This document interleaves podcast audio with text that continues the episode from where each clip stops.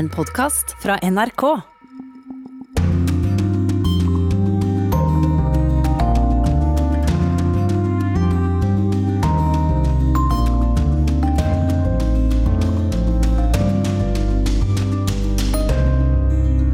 Ekstremvær med påfølgende flom og skogbranner har preget flere land de siste ukene.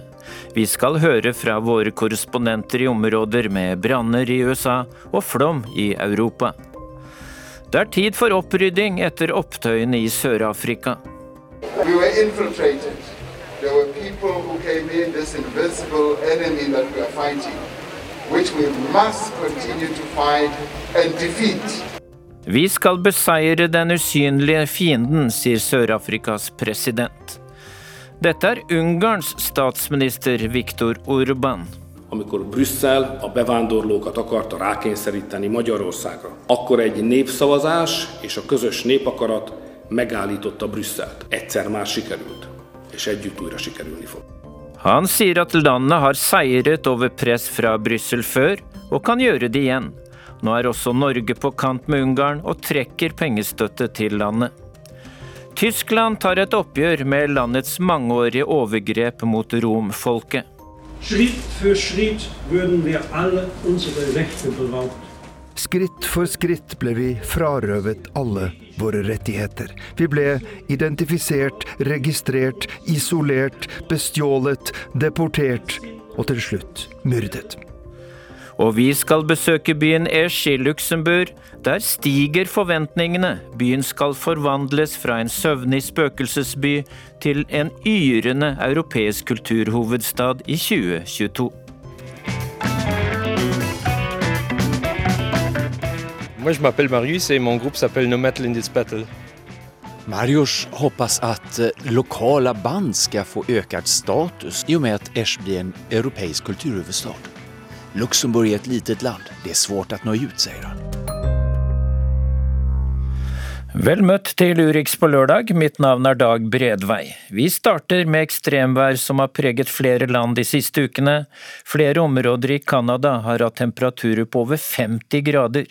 I Henan-provinsen i Kina pågår den største flommen siden værmålingene startet for 60 år siden. Tyskland og Belgia det samme, de er rammet av den verste naturkatastrofen på 60 år. USA-korrespondent Lars Os er i California for å rapportere om de voldsomme skogbrannene som herjer der. Flere hetebølger, tørke og sterk vind gjør at brannene sprer seg raskt. So, for example, this box is a sleeping pad. So it's this long, but they're about, oh, three quarters of an inch thick. John Blyven viser meg innpakka liggeunderlag i store kasser rundt på den mobile møteplassen i Minde, ikke lange biten fra Tahoe-sjøen helt vest i Nevada. Tusenvis av meter med vasslanger, tørrmat og utstyr ligger klart for å bli henta. So will wear out or get dirty, and they can come and exchange it, you know, pair for pair kind of thing. Med militær presisjon kommer flere brannbiler rullende inn, fullt av trøtte, men optimistiske brannmenn.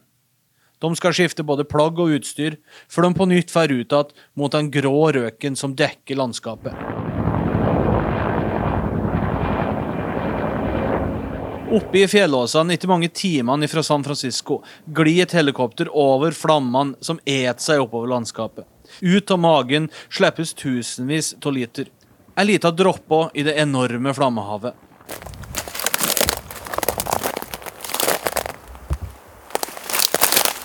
Det knusktørre landskapet har ikke fått mye vann i det siste. Tamarak-brannen, som den her har blitt kalt, har brent siden 4. juli. Mest trolig antent av et lynnedslag. So this morning uh, we had more accurate infrared flight mapping, so we've increased our acreage to over 50,000 acres. Tracy legger fram et stort kart med røde markeringer som viser hvor brannen nå beveger seg ned. De kjemper hele tida mot klokka og den uforutsigbare vinden som kan slå om som en femøring. De trekker inn brann, politi og andre frivillige fra hele landet. Noen ganger kommer det òg erfarne brannkonstabler helt ifra Australia. De har ofte samme problemet, enorme branner i landskapet. Skogbranner i USA er ikke uvanlig lenger. Hvert år starter det å brenne på vestkysten. Men oftere er brannene både villere, større og dødeligere. For tre år siden brann hele byen Paradise ned. 25 000 innbyggere. Minst 86 av dem døde. And then this morning, um, they we saw all the bulldozers going up and the fire trucks, and then the call was my husband saw the trees coming down for the fire break, and it was like, okay, we got to get out of here. There's Familia til Michelle Maynard tør ikke å være her lenger. Jeg møter dem mens de raskt pakker sammen bilen. De kom for noen dager siden fra Napa Valley for å slappe av til campinglastebilen sin. Nå rømmer de fra rasteplassen,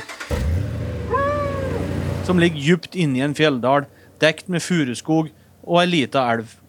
Brannen Dixie er på vei.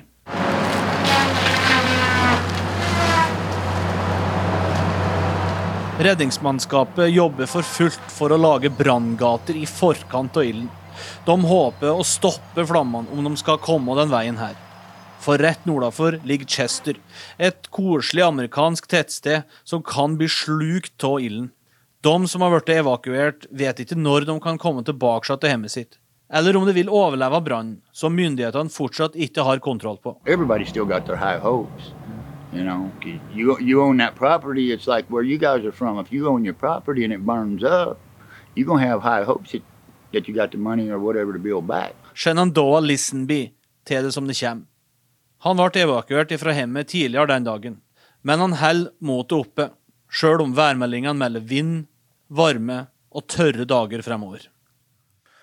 I Tyskland og Belgia er fortsatt flere enn 200 personer savnet. I den verste naturkatastrofen på 60 år er 170 bekreftet døde i Tyskland og 37 i Belgia. Tyske myndigheter sier at det er gjort skade på veier og jernbaner for 2 milliarder euro, om lag 20 milliarder kroner. Og kollega Haldor Asvald, du har nettopp kommet hjem etter å ha rapportert om flomkatastrofen i delstaten Rheinland-Pfalz i Tyskland. Og eh, hva vil du trekke fram som det sterkeste inntrykket? Jeg husker at vi kom fram til en eh, landsby som ligger eh, like ved en av disse sideelvene til Riden, der flommen kom. Vi går inn i landsbyen, og så ser det ut som alt rundt oss bare har blitt kastet rundt. At det er noen som har tatt opp ting og bare hevet det rundt. Vi ser en eh, lekeplass hvor det ligger masse steinblokker. Det er gjørme overalt. Vi ser traktorer som kjører rundt oss med biler eh, som de løfter, som er blitt kastet rundt, sauset inn med gjørme og vegetasjon. Vi ser eh, hus som er helt sånn maltraktert, knust, til eh, pinneved, eh, hvor det er vegger som mangler, hvor du kan se inn i rommene, eh, soverom, kjøkkenet på huset, hvor det er skap som bare står halvveis ut av et vindu. Vi ser en, en, bro som bare har forsvunnet til løse luften, som egentlig skal gå over elven. Og så ser vi familier som rydder opp det som er igjen, som ser tomt ut i luften, og som rydder opp sammen, hvor venner, familier, Eh, naboer og, og, barn eh, bærer ødelagte ting eh, ut av huset. Og vi møtte også en familie i dette området.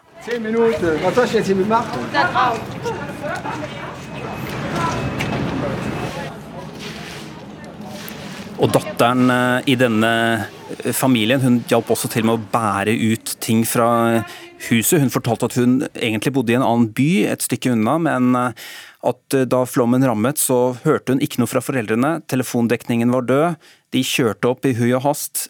Visste ikke, vi visste ikke om eh, foreldrene våre var levende eller døde, sa hun til oss.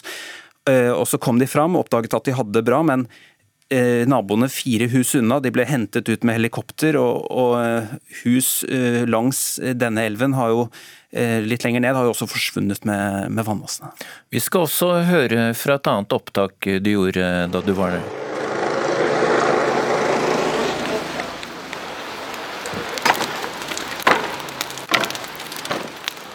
Dette er et uh, bål som ligger like ved elven, hvor uh, folk som har blitt uh, rammet av flommen, bærer ut ødelagte møbler, planker, det som er totalødelagt av vann, slam og gjørme, og hiver det på bålet, for det må brennes. Og det må de gjøre selv, ved hjelp av frivillige. Sånn at dette var en, et område som var veldig hardt rammet, hvor, men folk, hvor folk likevel gjorde det de kunne for å, for å rydde opp i situasjonen. Haldor, mange er overrasket over at flommen har rammet så veldig hardt i et land som Tyskland, som er så avansert og godt utviklet. Hvorfor ble ikke folk varslet? Det er viktig å huske på at dette er et styrtregn. Da kommer det veldig fort. Det er vanskelig for meteorologene å, å forutse nøyaktig hvor det skjer. Uh, men det er slik at um, de som har ansvaret for å forutse slikt i Tyskland, har blitt sitert på at de mener at de, de sa fra. Men spørsmålet er om den beskjeden kommer fram til de som bor tett nok på elven i tide. Og det er mange som forteller at de har Altså at det er blitt eh, forsøkt varslet via apper og sånn, og at man kan eh, på den måten få varsler. Men eh, det er jo mange som har spurt kunne dette blitt varslet tydeligere, kunne man hatt sirene langs elven? Sånn at det er mange som er, reagerer på at de ikke fikk beskjeden før, og, når dette går så fort, så er det også veldig uoversiktlig. Tusen takk, Haldor Asfald, for at du kom til Urix på lørdag.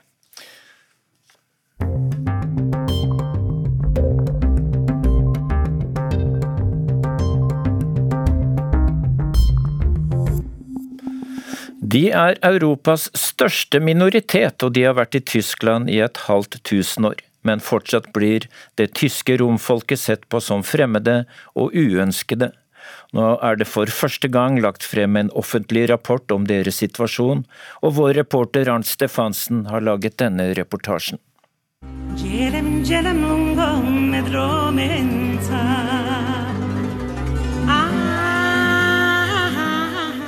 Deres smerte og lidelse er dypt bevart i deres musikk. De kaller seg Sinti und Roma, og det er nærmere 50 000 av dem. De tyske romfolkene har en mer enn 500 år lang historie. Men først nå har det offisielle Tyskland laget en rapport om deres liv, og nå i juli ble rapporten lagt frem på en pressekonferanse i Berlin. Der Zentralrat Deutscher Sinti und Roma begrüßt ausdrücklich vi ser svært positivt på denne rapporten, sier Romani Rose, president i Sentralrådet for tyske romfolk. Regjeringen støtter våre egne vurderinger, og de foreslår tiltak for å bedre situasjonen. Holdningene til den politiske ledelsen i Tyskland er bra. Problemet er all diskrimineringen vi opplever i dagliglivet, sier romfolkets president. 60 Prozent, also bei einer Untersuchung. En undersøkelse viser at 60% av tyskerne sier nei til å ha romfolk som naboer og arbeidskolleger.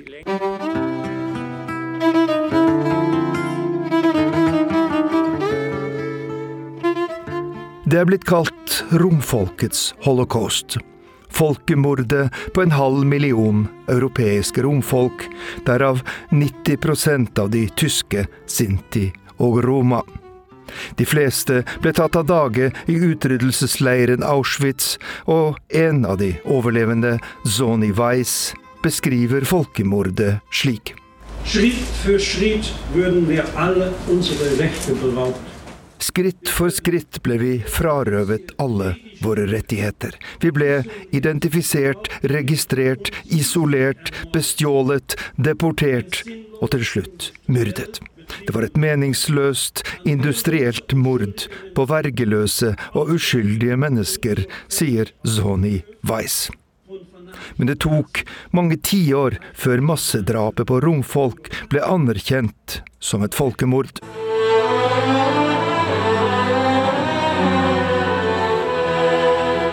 Berlin for ni år siden.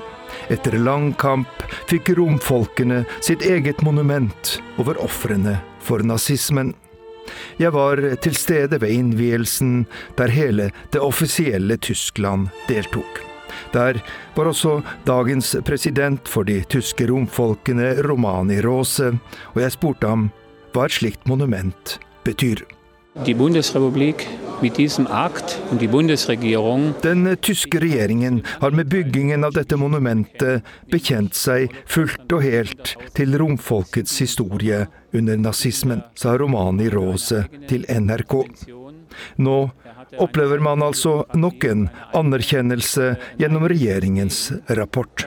Der Kampf gegen Antiziganismus verlangt höchste Wachsamkeit. Kampen mot diskriminering av romfolk krever av oss den største oppmerksomhet, sier den tyske innenriksministeren Horst Seehofer, som deltok under presentasjonen av rapporten. Det er en kamp som angår hele det tyske samfunnet. Det handler om å beskytte en av de svakeste gruppene i landet, de som er aller nederst, sier innenriksministeren.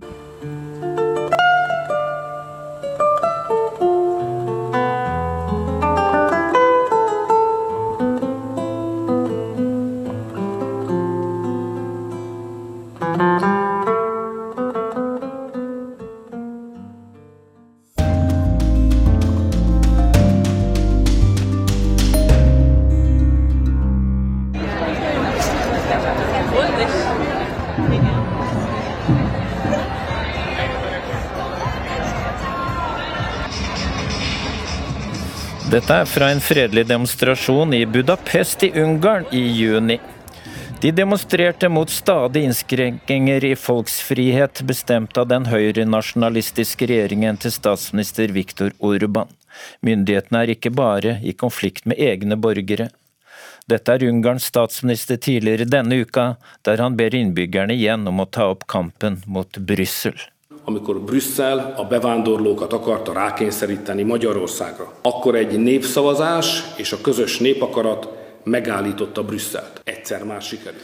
Vi sto imot Brussel i en folkeavstemning for fem år siden. Vi kan gjøre det samme igjen, sier statsministeren. Europakorrespondent Simen Ekern, du kjenner forholdene i Ungarn godt, og er Brussel blitt et skjellsord for statsminister Viktor Urban? Ja, eh, i likhet med veldig mange andre ting som finnes i utlandet, så, så har Brussel blitt eh, et skjellsord. Nå er det jo ikke sånn at Orban ville drømme om å melde landet ut av EU eh, på noe vis, men han bruker Brussel veldig aktivt når han snakker til sine velgere. F.eks. i det ukentlige og veldig velregisserte intervjuet som han gjør med ungarsk radio hver uke. Der sa han denne uka at, at Brussel driver med utpressing og, og trusler og forsinker utbetalinger som vi fortjener, sa han. Så, så, akkurat i det tilfellet så må vi kanskje nesten regne Norge til Brussel, da, jf. ukas diskusjon. Ja, fordi Ungarn er altså også på kant med norske myndigheter. I går ble det kjent at Norge trekker tilbake hele EØS-støtten til Ungarn på 2,3 milliarder kroner. Og Grunnen er at norske og ungarske myndigheter ikke er enige om hvem som skal kontrollere den delen av pengesummen som går til sivilsamfunnet. Dette er utenriksminister Ine Eriksen Søreide. For Ungarn så var det problematisk, fordi dette er jo en fondsforvalter som eh, i dag forvalter sivilsamfunnsmidlene, og som har vist eh, sin uavhengighet veldig tydelig. Og de også støtter opp under både organisasjoner og minoriteter på en måte som eh, også representerer kritikk av ungarske myndigheter, og det er de lite fornøyd med. For oss er jo det helt grunnleggende at sivilt samfunn skal være et korrektiv til myndighetene, og man skal støtte opp om sårbare grupper, minoriteter og andre som er i en utsatt posisjon. Og kanskje særlig i Ungarn så er det viktig, fordi eh, der er både rettsstaten, demokratiet og minoriteter i en ekstremt utsatt situasjon situasjon. Og da har vi som givere et spesielt ansvar for å overholde de reglene vi sjøl har satt. Ja, Simen Ekern, er du overrasket over Norges reaksjon med å trekke pengestøtten til Ungarn? Nei, det er vel vanskelig å være overrasket, for dette er en konflikt som ligger mange år tilbake i tid nå. Ungarn har jo fått overføringer fra Norge siden de ble EU-medlemmer i 2004 som en del av Norges forpliktelser for å ha tilgang til det indre markedet. Og, Poenget med disse midlene er jo, som uh, Eriksen Søreide uh, sier, å bygge opp sivilsamfunnet i nye medlemsland uh, i øst. Og Derfor så har jo Norge flere ganger gjort det klart at det er et prinsipp de ikke har tenkt å fravike. At en del av disse pengene skal gå til organisasjoner som er uavhengige av myndighetene. Og Når man har vært så tydelig som også Ine Eriksen Søreide har vært eh, før, da, i sin kritikk av en generell illiberal utvikling i Ungarn, så, så, ville det nesten være politisk utenkelig å, å la Orban bruke norske midler til, til sin urbanisering av det ungarske samfunnet. Eriksen Søreide erkjenner at sivilsamfunnet i Ungarn vil lide når støtten uteblir. Vi er jo selvfølgelig eh, bekymra for at eh, sivilt samfunn i Ungarn kan få vanskeligere kår som følge av at de ikke får den økonomiske støtten. Og nå eh, vil jo vi fortsette å finne måter å kunne støtte sivilt samfunn i Ungarn på. Vi mener de gjør en utrolig viktig jobb i et samfunn som går i stadig negativ retning. Og der vi også ser at støtten fra EU-land til det Norge nå gjør, også er stor. Ungarn er i tilsvarende prosesser med EU som de nå er med Norge. Eh, Simen Ekern, kan du trekke fram noen av eh, de konkrete kontroversene med EU?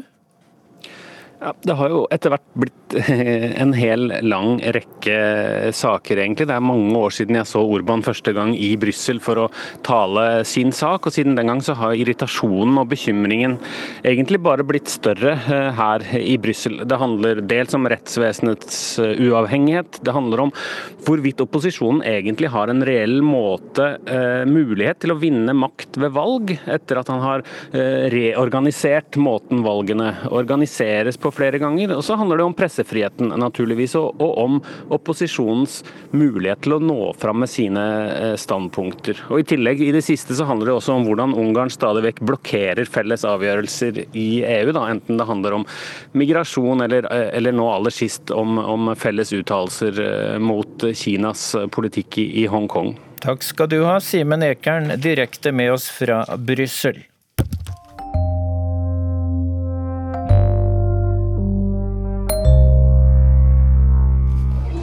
Vi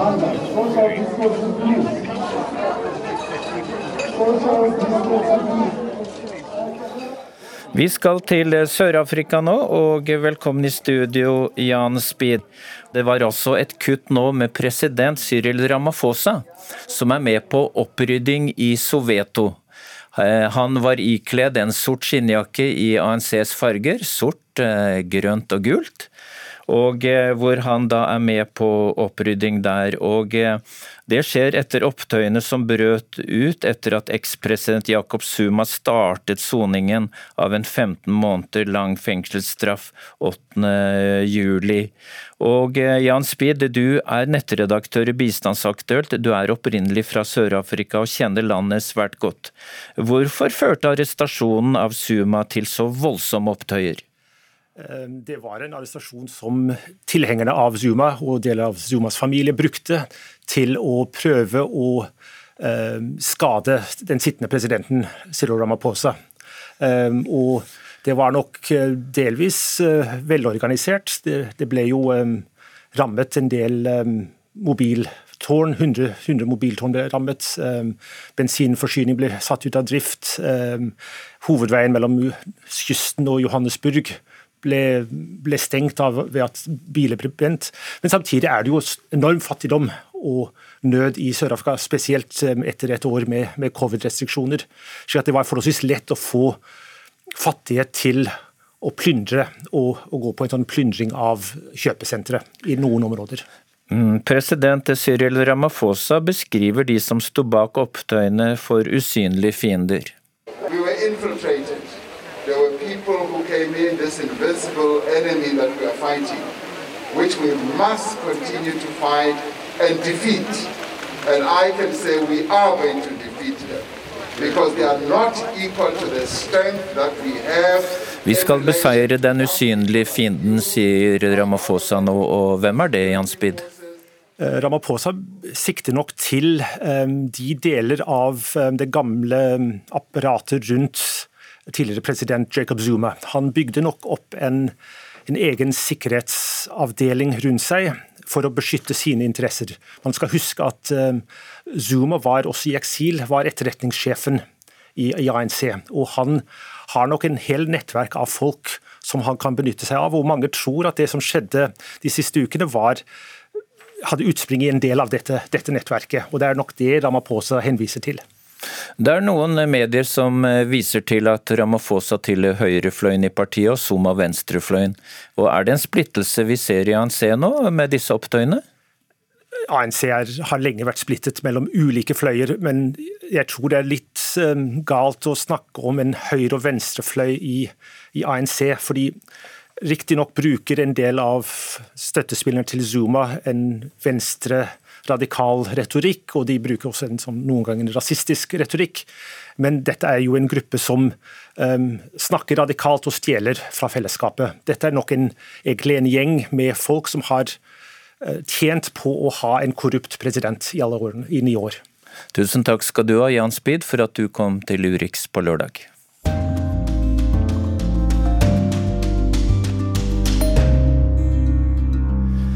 I 2000 ble Bergen europeisk kulturhovedstad, i 2008 fulgte Stavanger etter.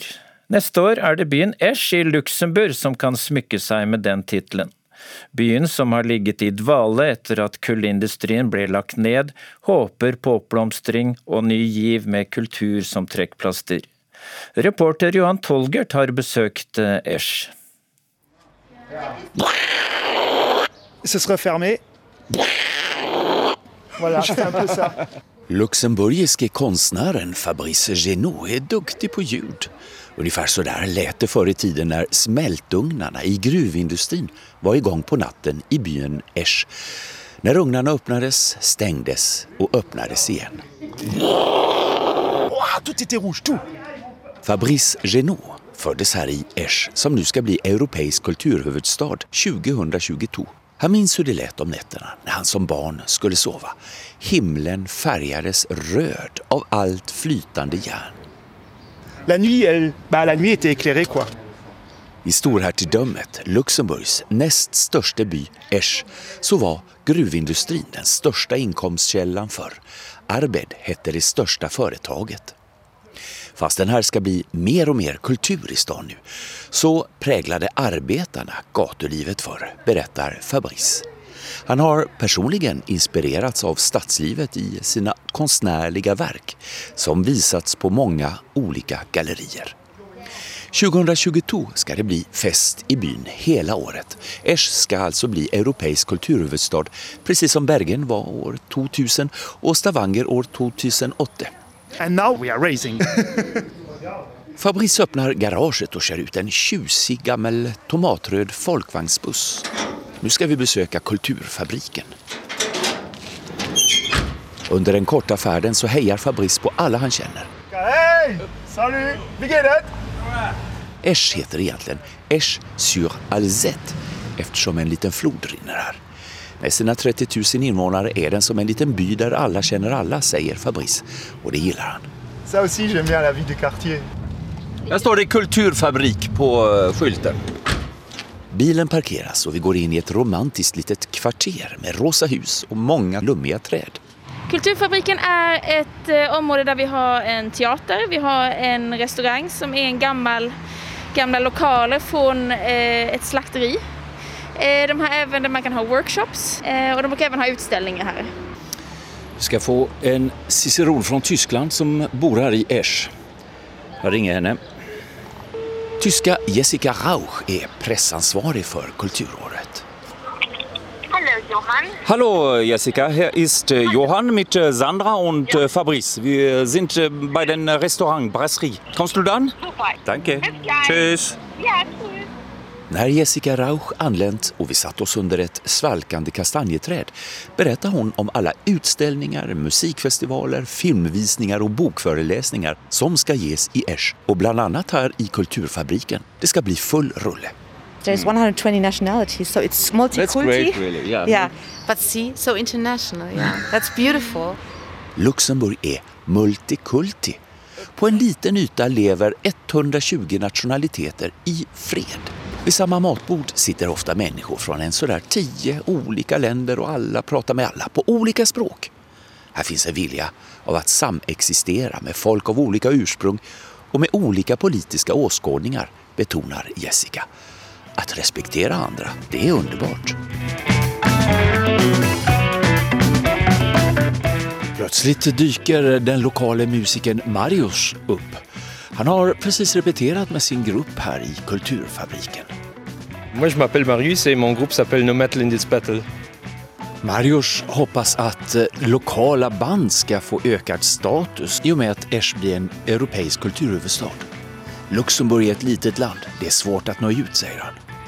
Trots osäkerheten kring coronapandemin är det många som planerar besöka Esch 2022. Och det verkar nästan som om en viss publik redan är på plats här i Kulturfabriken. Vilka kan det vara tro? Jo... Have you heard? The public you have? All the birds? It's so beautiful.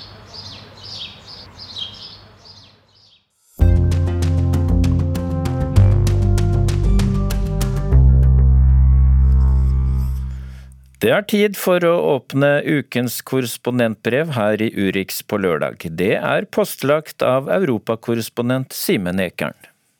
Oppvarmingen gikk ikke helt etter planen. For hvor ville det være bra å se EM-finalen i Roma når jeg var for sent ute til å skaffe meg billett til Uefas storslåtte storskjermarrangement ved Piazza del Popolo? På grunn av covid-reglene var adgangen strengt regulert. Jeg hadde ikke sjans når jeg hadde ankommet byen samme dag som finalen skulle spilles. Løsningen kom via Claudio, en romersk kollega. Stamstedet hans, et hull i veggen av en vinbar i bydelen Monti, hadde sørget for utendørs framvisningsmuligheter, fortalte Claudio. Han holdt av stoler. Storskjermen var ganske liten og minnet mest om en sånn man brukte til å vise fram lysbilder eller skurrete Disney-filmer da jeg vokste opp. Den var også temmelig vaklevoren, i tillegg var det altfor lyst til å se noe særlig, men den første delen av kampen så det til gjengjeld så mørkt ut, med Italia-øyne, at det ikke spilte noen rolle. Da det endelig begynte å gå bedre for det italienske laget, dukket det opp andre forstyrrelser. For et par hundre meter unna hadde en annen kaféeier satt TV-en sin ut på et bord på brosteinene. Og der jublet alle stadig vekk for noe vi ikke skjønte hva var. Så de en annen kamp? Jeg gikk bort for å se. Mens vår vinbar streamet kampen via nettet, så nabobargjestene kampen med vanlige TV-signaler. Vi lå et minutt bak, minst. Da Italia utlignet, ble det klart, alle måtte bytte bar. Det går rett og slett ikke an å se fotball med forsinkelse når jubelropene i gata bortenfor røper alt.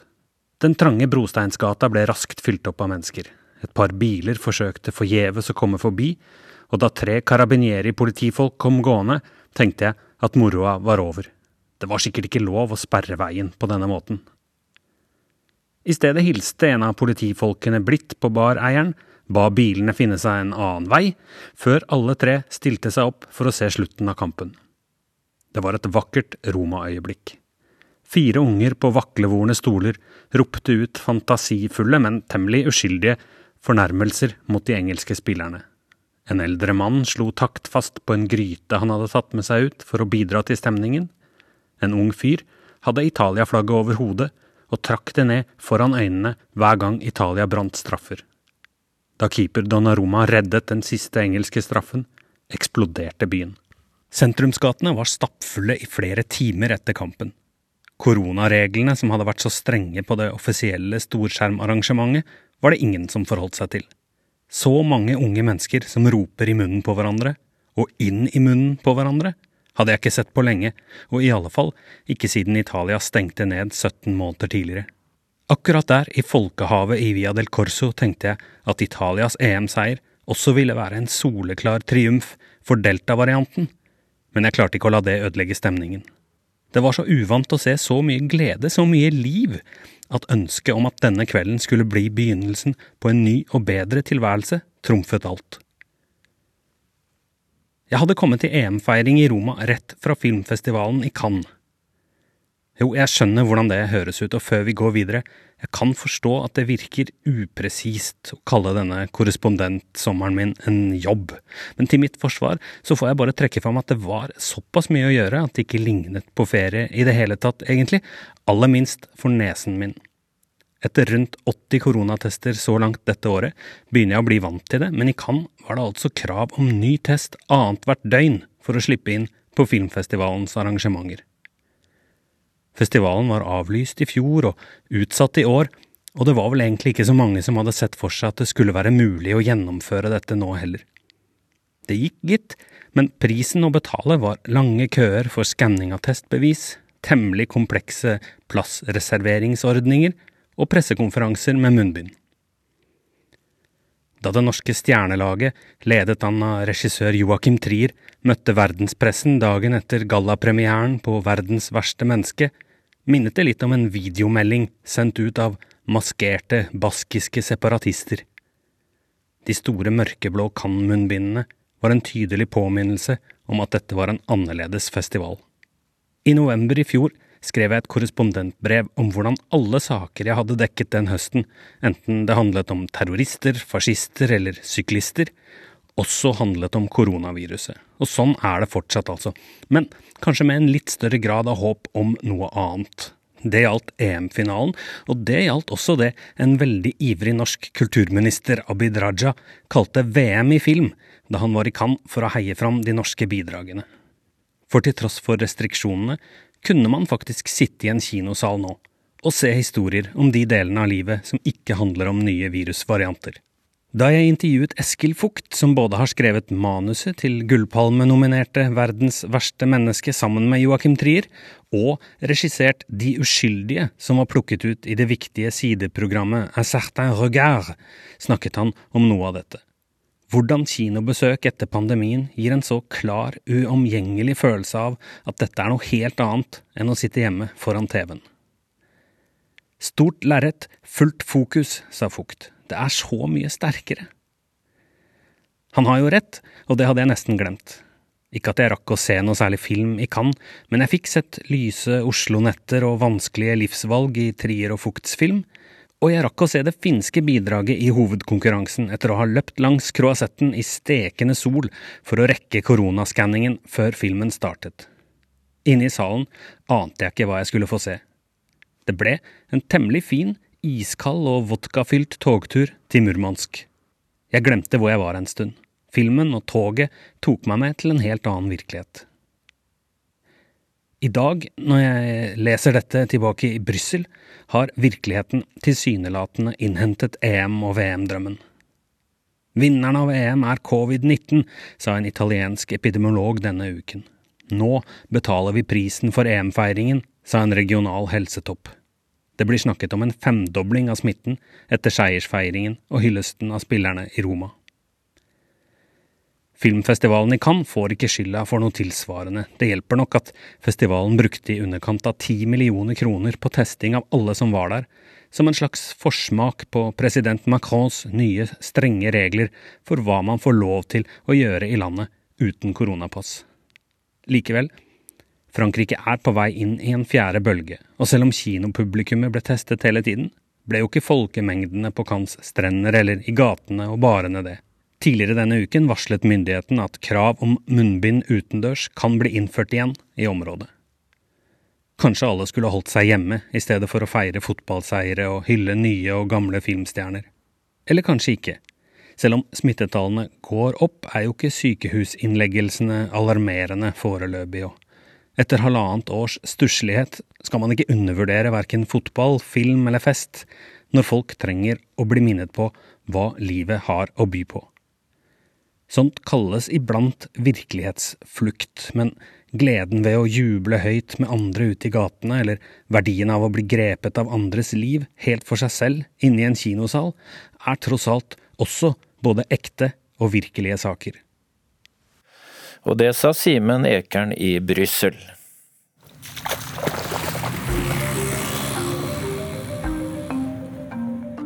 Tre generasjoner i den familien. Eh, alle var avhengig av opioider på sitt vis, enten det var eh, at det blei skrevet ut fra legen, eller at de kjøpte narkotika på svartebørsen. Så det var eh, veldig spesielt å være der og se hvor hardt ramma det samfunnet i Martinsburg i West Virginia var av opioidepidemien. Nå i sommer blir vi bedre kjent med NRKs korrespondenter, både de som snart takker av, og nye som snart skal mønstre på. Serien har vi kalt Sommerspesial. I dag skal vi bli kjent med Veronica Westrin bor i Washington DC og er USA-korrespondent. Veronica Westrin, du og din familie setter snart kursen over Atlanterhavet. Din periode som korrespondent i USA er i ferd med å ebbe ut. Hvordan blir det å flytte hjem igjen? Det blir på mange måter fint. Gleder meg til å møte familie og venner hjemme. Samtidig så er det jo veldig trist å reise fra et sted hvor vi nå som familie har bodd i eh, tre år. Så det er jo menneskene her jeg kommer til å savne aller mest. Og selvfølgelig en utrolig spennende jobb. Du og familien holder til i Kragerø, og det er ikke akkurat så dumt sted å komme til nå på sommeren? Det er perfekt å komme hjem til Kragerø nå i juli. Eh, så det blir fint. Da blir det å eh, reise ut på vannet. Eneste problemet nå er at den eh, trekoggen som vi kjøpte i fjor, den har vi jo ikke rukket å pusse før sesongen. Så det er en sånn liten utfordring her akkurat nå. Så det blir båtpuss når du kommer hjem? Ja, vi får se om vi rekker å få den på vannet denne sesongen.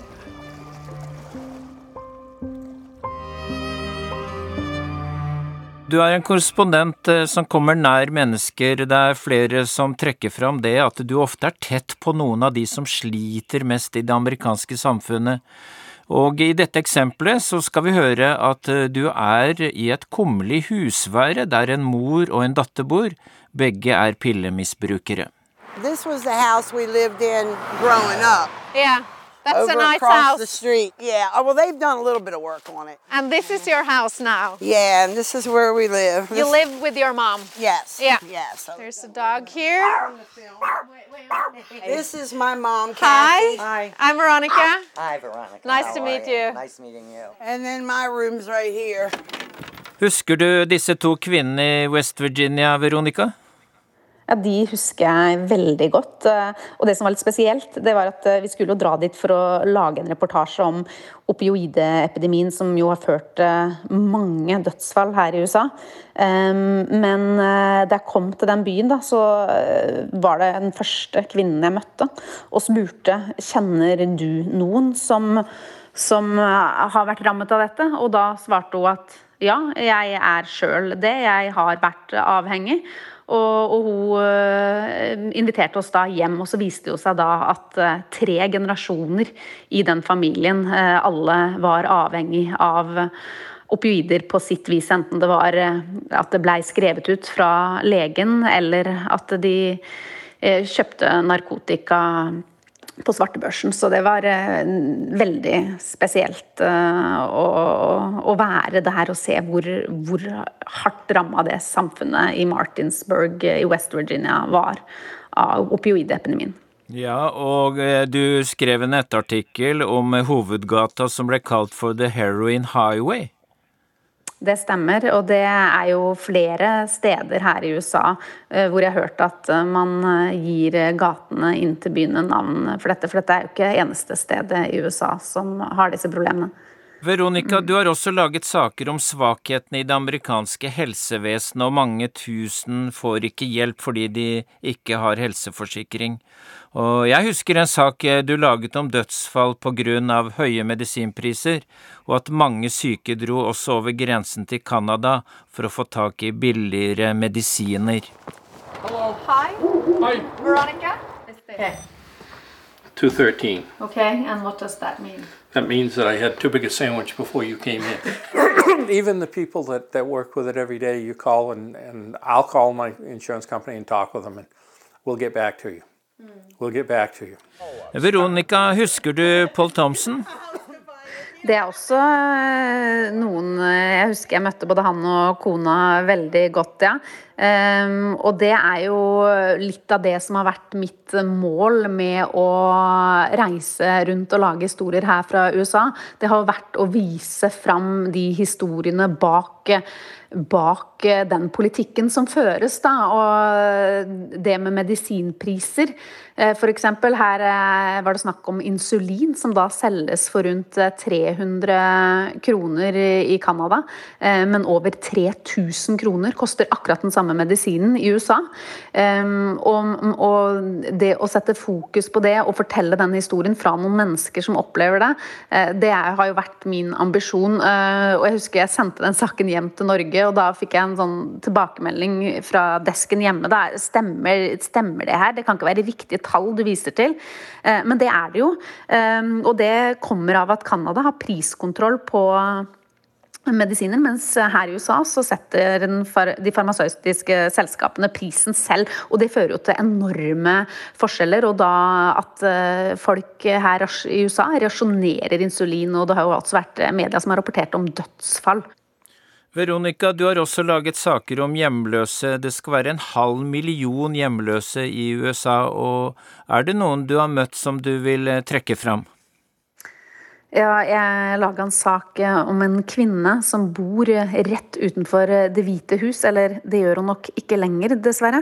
Men hun var veldig fornøyd med at hun hadde funnet en kirke der hvor hun sov hver natt. Det var en fantastisk kvinne som gikk og vaska det offentlige toalettet der hver eneste dag flere ganger, fordi hun mente at det måtte være ser bra ut når alle turistene kom til Washington. Men uh, den kirken som hun sov under, det er da den samme kirken som Trump uh, gikk opp til i fjor sommer under Black Lives Matter-protestene her i DC.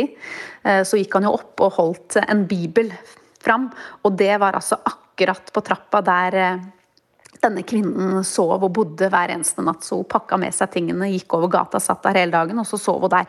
Men det ble jo helt uh, stengt ned etterpå, så jeg tenkte mye på hun uh, i den perioden. Men jeg vet hun hadde pleid å flytte rundt, og hun fant seg nok et annet sted. Og forhåpentligvis så fikk hun kanskje ordentlig tak over hodet etter hvert også. Jeg har ikke møtt henne igjen.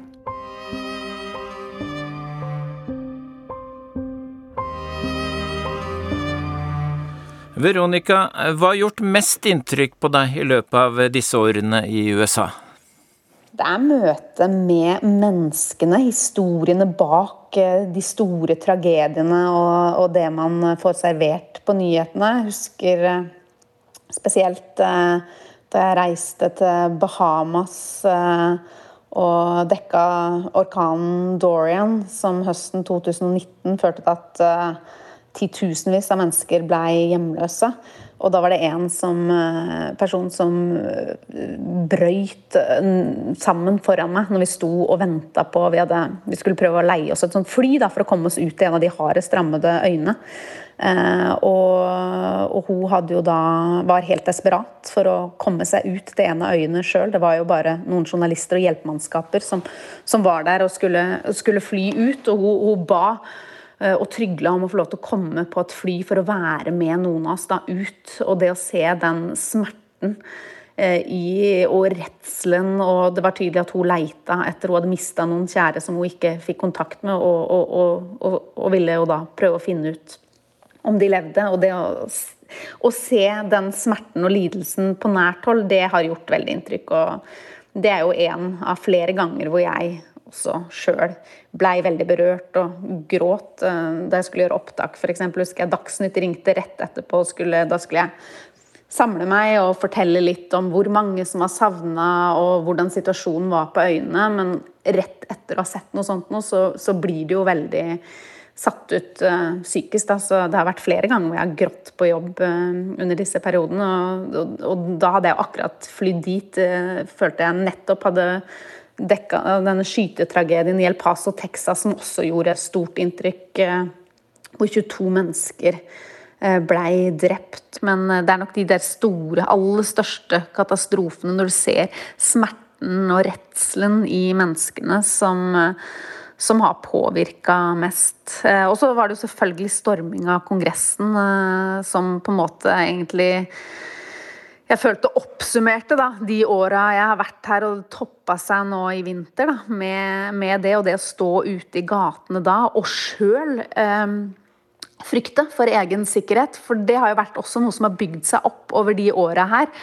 At eh, jeg begynte mer og mer eh, å føle meg som et mål sjøl som journalist. Jeg sto ute og dekte Stopp the Steal-demonstrasjonene eh, i Washington DC i, i fjor høst.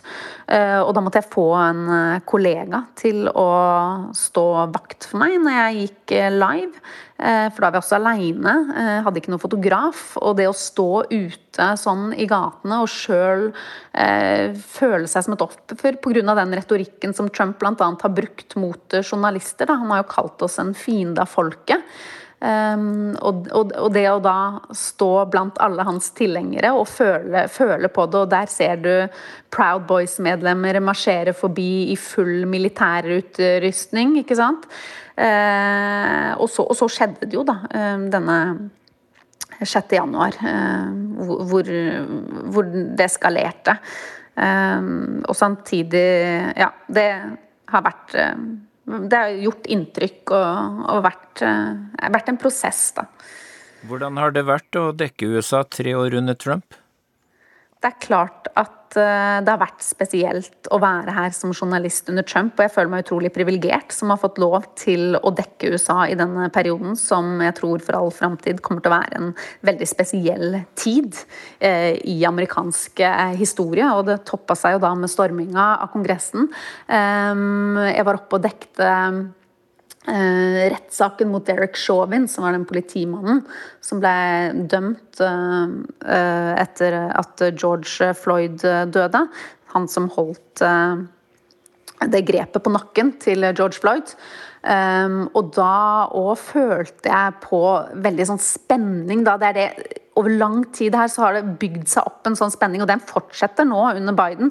Jeg kjente veldig på det da jeg sto der oppe og gikk eh, live utenfor eh, Cup Foods, eh, som var eh, det stedet hvor eh, George Floyd gikk inn for å veksle eh, pengene sine. Um, der, rett før jeg skulle gå live, så var det noen som kom bort og skjelte på meg. De var skikkelig sinna. Og, og, jeg husker jeg hadde blitt anbefalt før vi dro dit at der kunne det være farlig, men man tar jo litt sånn kalkulerte risikoer i yrket, og vi følte oss trygge. Jeg hadde med meg fotograf, men akkurat sånn rett før du skal gå live, når sånne ting skjer, så blir du litt usikker. Og det er sånn man ikke ser hjemme, men det er ganske mye som skjer rett før en sånn live-rapport. Eh, men jeg satte meg ned og snakka med de og forklarte hva jeg sa. og og, og, og, fikk snakka med dem. Men det er en sånn borgervernsgruppe nærmest som har danna seg da, rundt det stedet. Eh, og jeg så nå for en stund siden så var det en annen journalist som gikk live på akkurat samme sted. Og da var det plutselig skudd som ble avfyrt der. Jeg så folk som la seg ned eh, på bakken, da. Eh, fordi det var så nærme at det var skyting. Så det er klart at man har følt også litt på en sånn utrygghet sjøl som journalist. Eh, og det har vel Det viser jo den episoden, i hvert fall. Da, at det har jo ikke vært helt eh, feil at, um, at man har tenkt det. Men jeg har prøvd å tenke sikkerhet og, og ja, oppholde meg på steder hvor jeg føler meg trygg, da.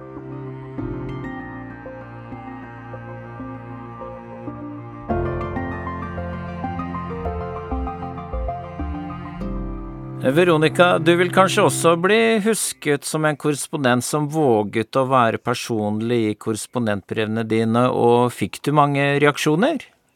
Ja, jeg tror korrespondentbrevene er noe av det som kanskje har engasjert mest av det jeg har gjort. Og jeg elska å skrive de. Eh, det å bruke de personlige historiene, men også få muligheten til å bedrive litt sånn komparativ politikk, da.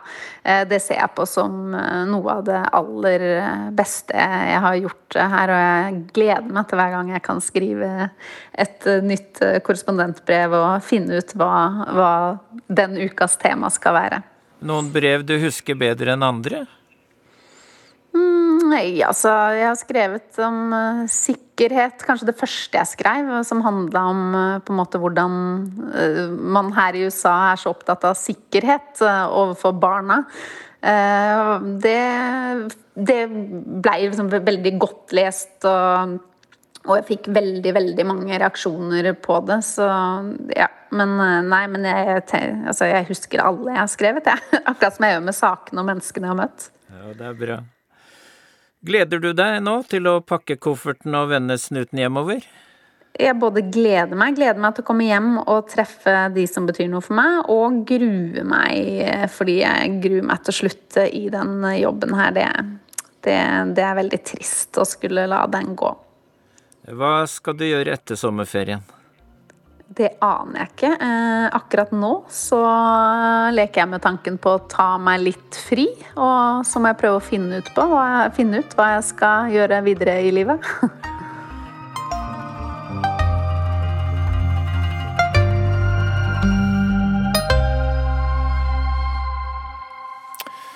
Teknisk ansvarlig for sommerspesial med gjest Veronica Westerin var Hilde Tosterud. Urix på lørdag er straks eh, slutt. Teknisk ansvarlig her, det var Mari Janne Myrhol, produsent Anna Sofie Tørmoen og jeg, Dag Bredvei, og vi ønsker dere alle en fortsatt god julihelg. Takk for følget.